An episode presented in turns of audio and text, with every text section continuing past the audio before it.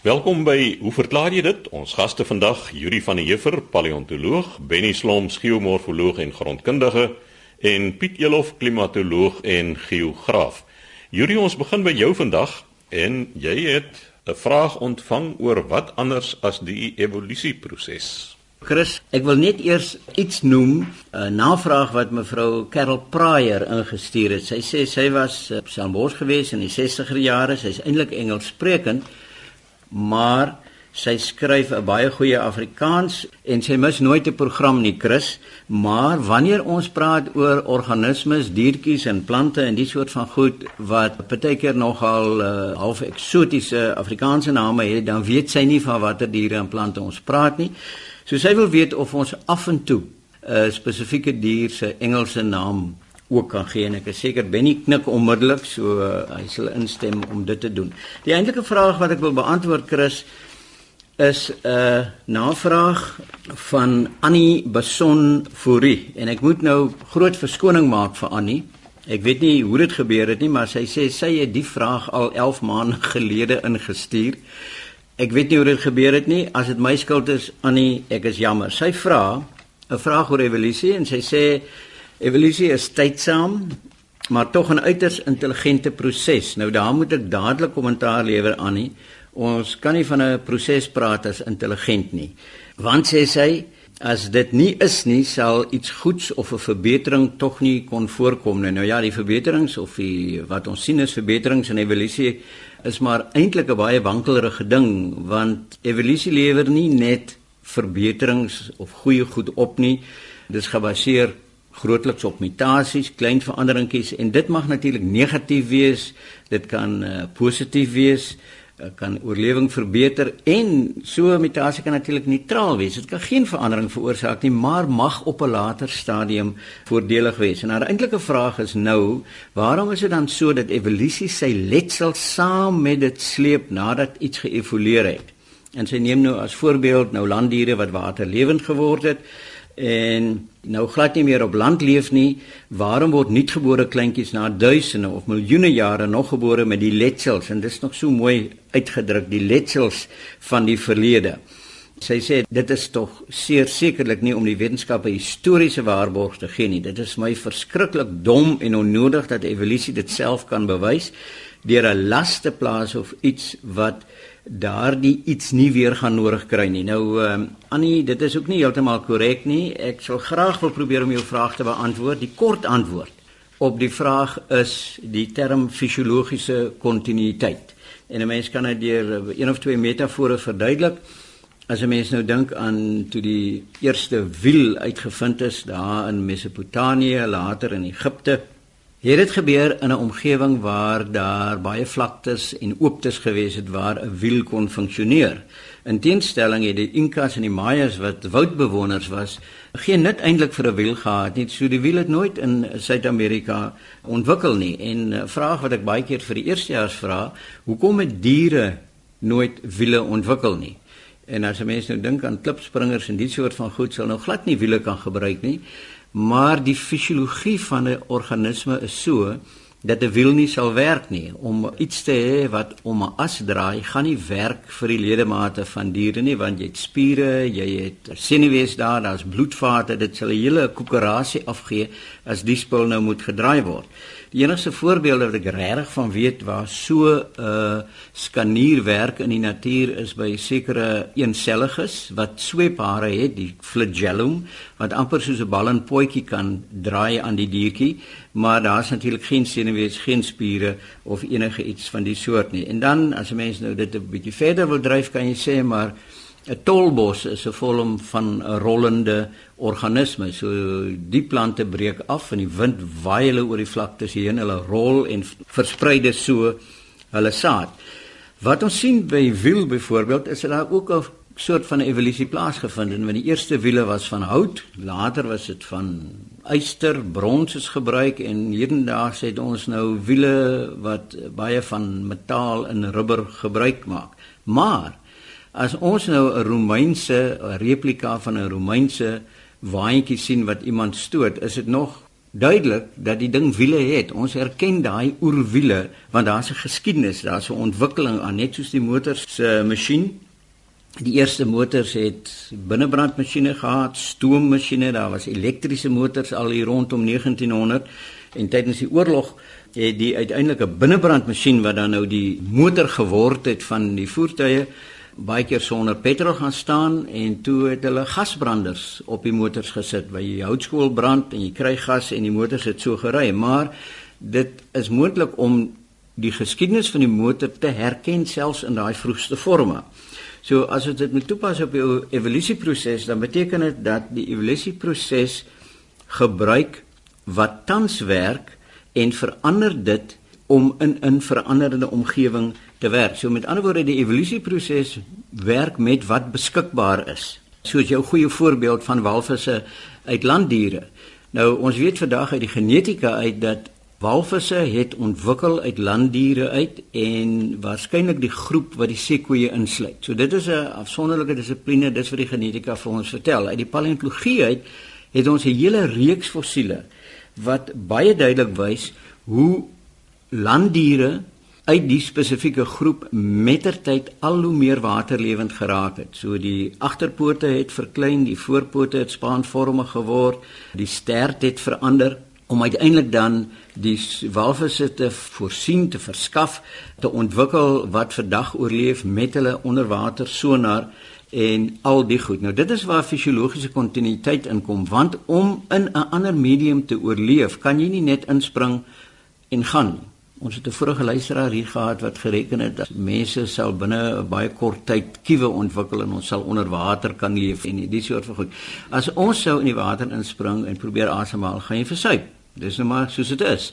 Hierdie soort van goed moet fisiologies kontinu wees. Daar moet klein veranderingkies plaasvind wat seker maak dat die tussenforme oorleef en jy maak daai veranderings of die veranderings word gemaak met die bestaande apparaat wat die dier beskikbaar het. As ons nou dink aan hoe visse werk, visse het ontwikkel met 'n uh, ruggraat wat suidelings kan heen en weer kan beweeg en 'n vertikale stert sodat hulle so kan swem. Landdiere het later ontwikkel, soogdiere het later ontwikkel, die het vier pote ontwikkel wat onder die liggaam sit. En die gevolg is nou kan jou ruggraat nie meer suidelings artikuleer heen en weer beweeg nie. Ons sien nog ietsie daarvan by reptiele, maar hulle bene steek na die kante toe uit, so hulle kan dit doen. Met soogdiere wat die bene onder die liggaam sit, het 'n ruggraat ontwikkel waar die artikulasievlakke so is dat die skenieraksie is op en af. Dink maar aan 'n jagluiperd wat hardloop, hoe sy rug krom en strek, krom en steek in 'n vertikale vlak.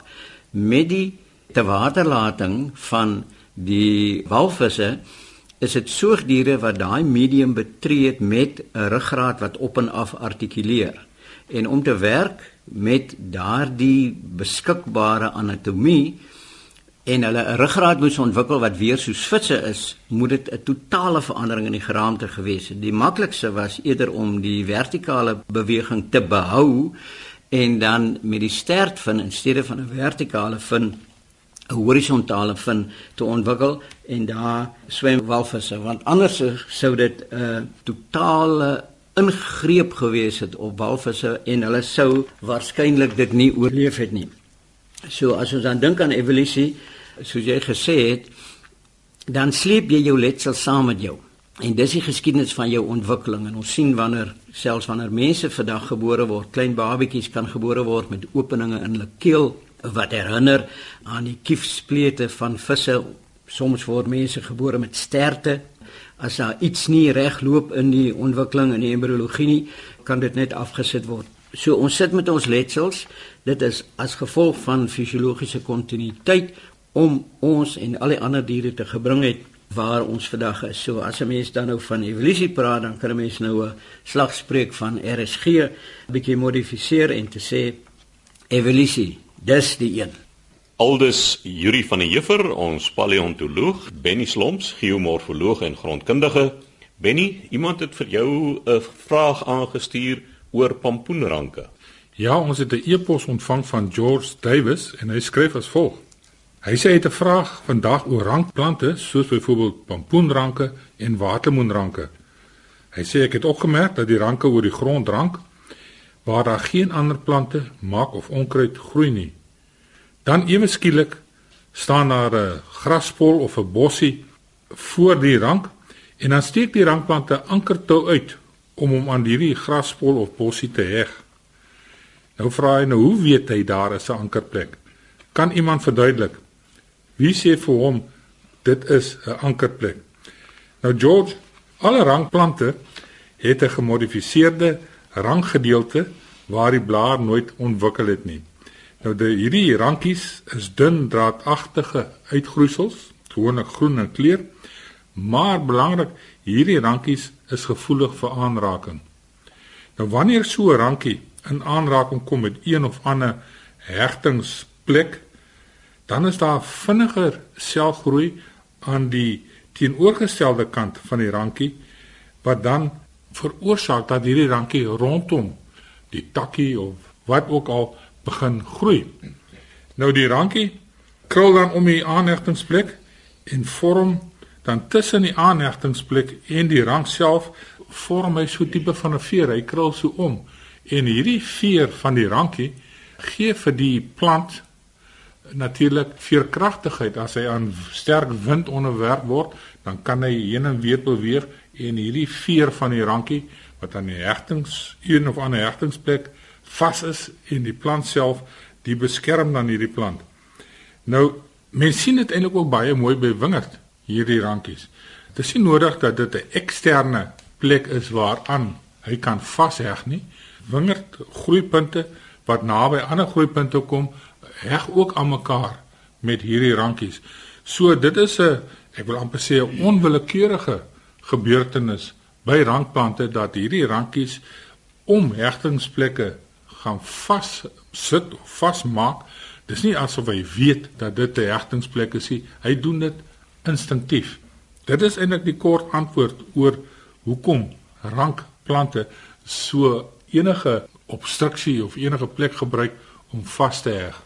Weet nie dis interessant want ons het ek altens onwetend wat gaan gebeur het ek 'n grenadella op die grens geplant tussen by die muur tussen my en my buurman. En daar was toe reeds al 'n uh, plant wat oor die muur gekleef het, het 'n baie mooi heining gemaak het. So eentjie weg was 'n roos gewees, so eentjie weg het 'n jong olyfboom gestaan en toe die grenadella wegtrek. Toe groei hy, hy het seker 15, 16 meter teen daai heining opgegaan Hy het alles verswelg. Hy's bo oor die roos, hy's bo oor die bestaande plante. Hy's dwars deur daai olienootboom. Jy moet die lote net knip om die olienootboom te bevry en hy's na die agterplaas toe al langs die muur toe ook af. Maar ek wil hom nie afsny nie want hy dra grenadellas asof dit uit die mode uitgaan. En toe eergister toe sê my buurman vir my half soort van skuldig maar hy eet dan lekker aan die grenadellas. So sê vir man, alles wat aan jou kant hang kan jy maar eet. En die ding dra geweldig, maar hy verswelg absoluut alles met hierdie ranke en dan die veeragtige uitgroeiseltjies wat hy mee vashou. Ja, dit was dan Benny Sloms, ons geomorfoloog en grondkundige wat gesels het oor rankplante. Volgende aan die beurt, Piet Elof, klimatoloog en geograaf. Nou Piet, ek weet jy het 'n redelike heftige reaksie van 'n luisteraar ontvang, kritiek op jagters eintlik.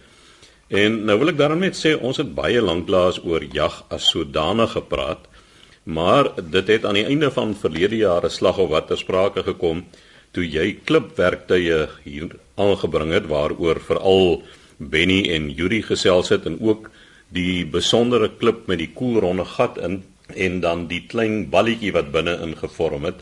En dit is alles goed wat jy met verloop van tyd tydens jagtogte in die veld versamel het maar ek dink jy wil self verder reageer daarop.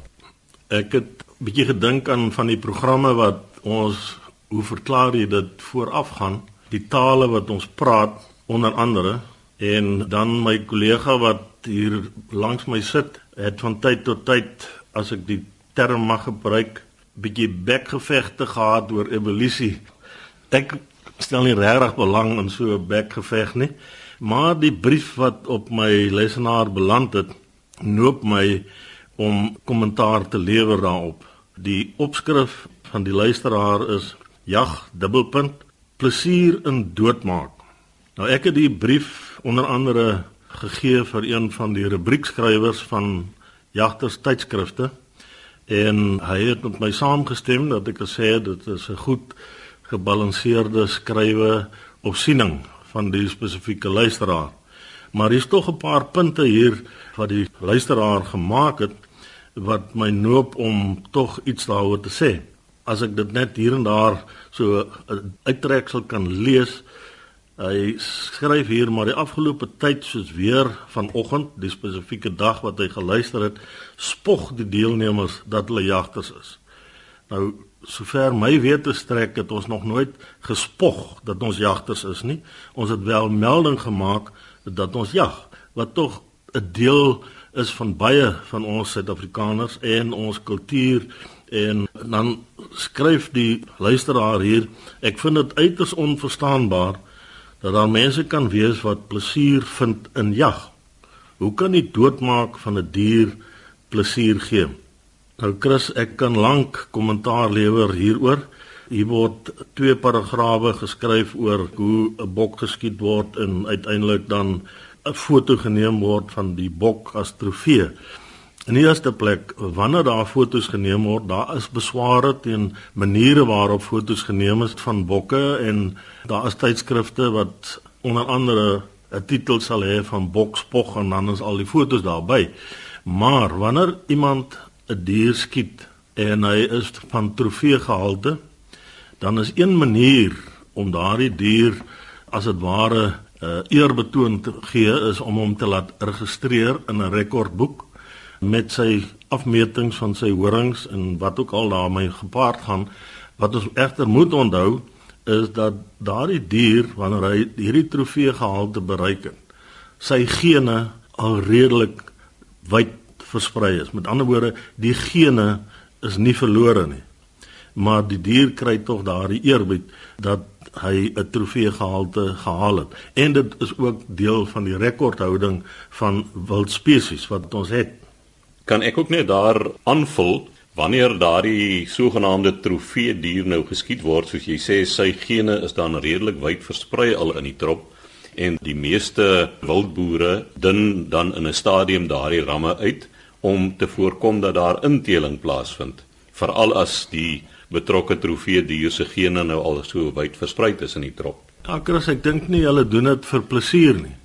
En in elk geval, daar is soveel meer aspekte rondom jag as net gewoon die doodskiet van 'n die dier. Baie keer gaan jagters uit en hulle skiet geen dier nie, maar hulle die jag tog geniet. Dit beteken nie hy mag nie sê dat hy 'n jagter is nie want daar is soveel ander aspekte rondom die hele jagbedryf.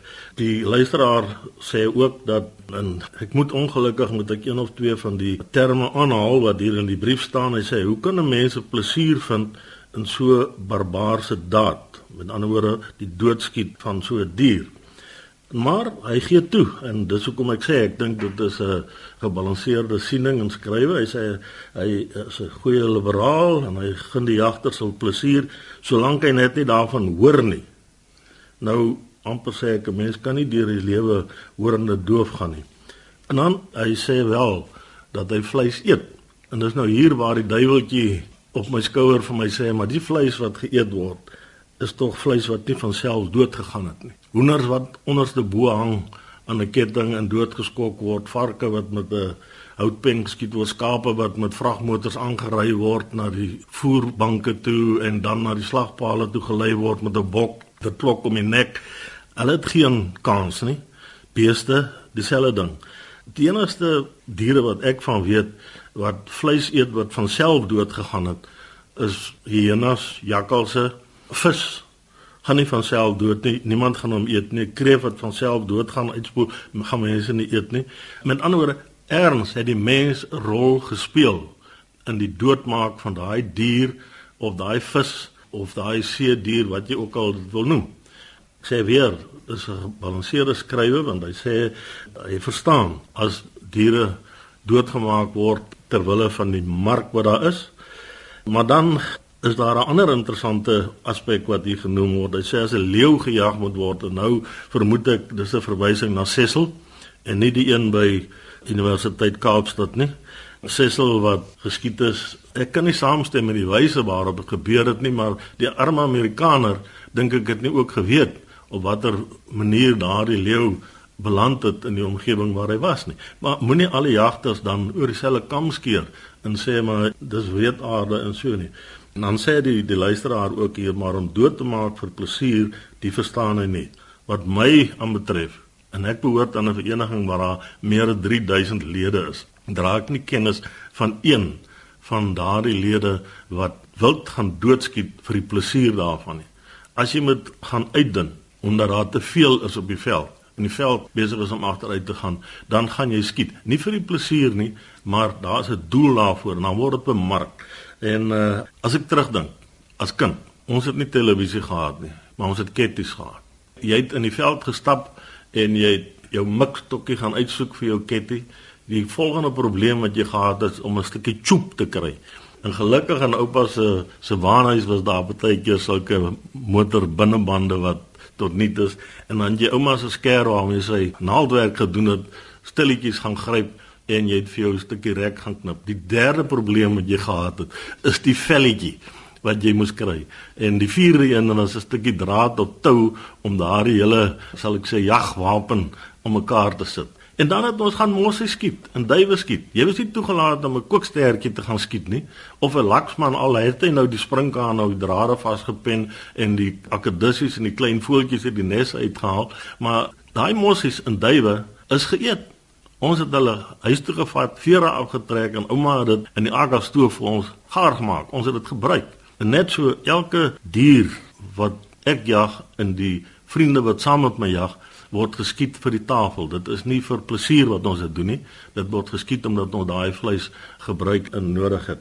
En dan net sê die luisteraar hier hou aan om die natuur vir ons te verklaar. Nou my twee kollegas het nou die eerste deel van die program dit gedoen. Maar vra tog die deelnemers om nie te breek met hulle jagterrein nie. Nou daai breek pla my want sover ek weet het ons nog nooit gebreek daarmee dat ons jag nie ons het wel gesê dat ons jag en daar is groot plesier in jag. Nie die doodskiet van die wild nie. Daar is ander faktore wat ons ook geniet en dis definitief nie breek daaroor nie. So Chris dis my kommentaar en ek wil nie verder 'n bekgeveg hieroor hê nie. Ek los dit oor aan my kollega Yuri van sy evolusie program ja Chris ek wil nou nie olie op die vuur gooi hierso nie maar ek vind sulke houdings is geregverdig dink ek, maar dis ook baie selektief. Want as ons regtig bekommerd is oor lewe en die vernietiging daarvan vir plesier, dan moet ons bekommerd wees oor alle lewe.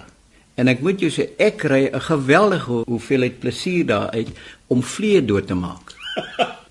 en daar word daagliks miljoene tonne plante want hulle lewe ook word vernietig en ons eet dit en jy het reg opgemerk van die manier waarop diere in die slagpale doodgemaak word. So ek dink dis 'n bietjie onregverdig om die jagters nou uit te sonder terwyl ons hele samelewing eintlik teer op die dood van ander organismes. Ja, Jurien, dan wil ek net daar byvoeg die sportjagter, die biltongjagter of die jagter wat gaan skiet om vir hom vleis te kry, besorg aan die wildboer 'n inkomste as al die oortollige wild nie uitgeskiet word nie, moet die wildboer betaal om professionele jagters te kry om daardie diere te kom uitdin sodat sy veld nie daaronder lê nie. Chris, ek wil ook dan net aan die luisteraar sê ek het gesê dis gebalanseerde skrywe. Hy erken dat daar geld in die bedryf gaan vir die wildboer en vir die mense wat werk vir hom wat dan ook voordeel daaruit trek. Die probleem is net dat as daar nie geskiet word nie en daai wild raak te veel en die boer kry nie inkomste daaruit nie om maar eenvoudige voorbeeld te noem dan gaan hy sy springbokke almal doodskiet of laat doodskiet en dan gaan hy skape daarop sit en dan waar ons wild dan as dit die geval is in Suid-Afrika en ons weet ons kan maar gaan kyk hoeveel miljarde rande inkom uit die wildbedryf uit in in Suid-Afrika en hoe die getalle toegeneem het as gevolg van die feit dat daar mense is wat daardie wild wil jag.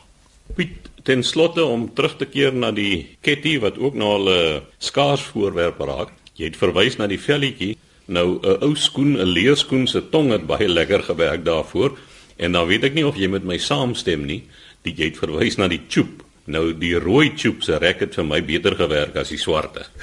Chris ja, die die ongeluk is hierdie velletjies, die tonge van die skoene is dikwels jou skoolskoen se tongetjie wat gegaan het. En dan deesdae het ons wat ons noem haasloop, so vierkante gerek en jy sit met 'n eysterraam en daai tipe van goed. Maar daar's niks lekkerder as om jou mikstok self te gaan sny ergens in 'n boom op die plaas of waar ook al nie en om mooi uit te kerf en om reg te kry vir daai ketty. Man, en ons kon klippies gooi. Ons het uh, vroeër jare jy nou maar gaan klippies optel. Later jare het ons by die motorhawens, die garages, daar in hulle plek waar hulle al hulle oorskot weggooi, het ons gaan kry wat ons destyds genoem het ball bearings. En uh, dan later was dit nie net ronde balletjie nie, maar dit was 'n kofaitjie vormige eystertjies geweest. Roller bearings het ons dit genoem. En dan moet jy nou by die huis daai goed gaan probeer stukken kap wat want hy was in 'n soos hulle sê in Engels in 'n bruis gewees. Maar ouma, as jy 'n tortelduif met daai ding tref, dan het jy middagete. So sê Piet Elof, ons klimatoloog en geograaf. daarmee die tyd ons ook ingehaal. Skryf gerus aan ons by hoe verklaar jy dit? Posbus 2551 Kaapstad 8000 of stuur 'n e-pos aan chris@rsg.co.za Zeta.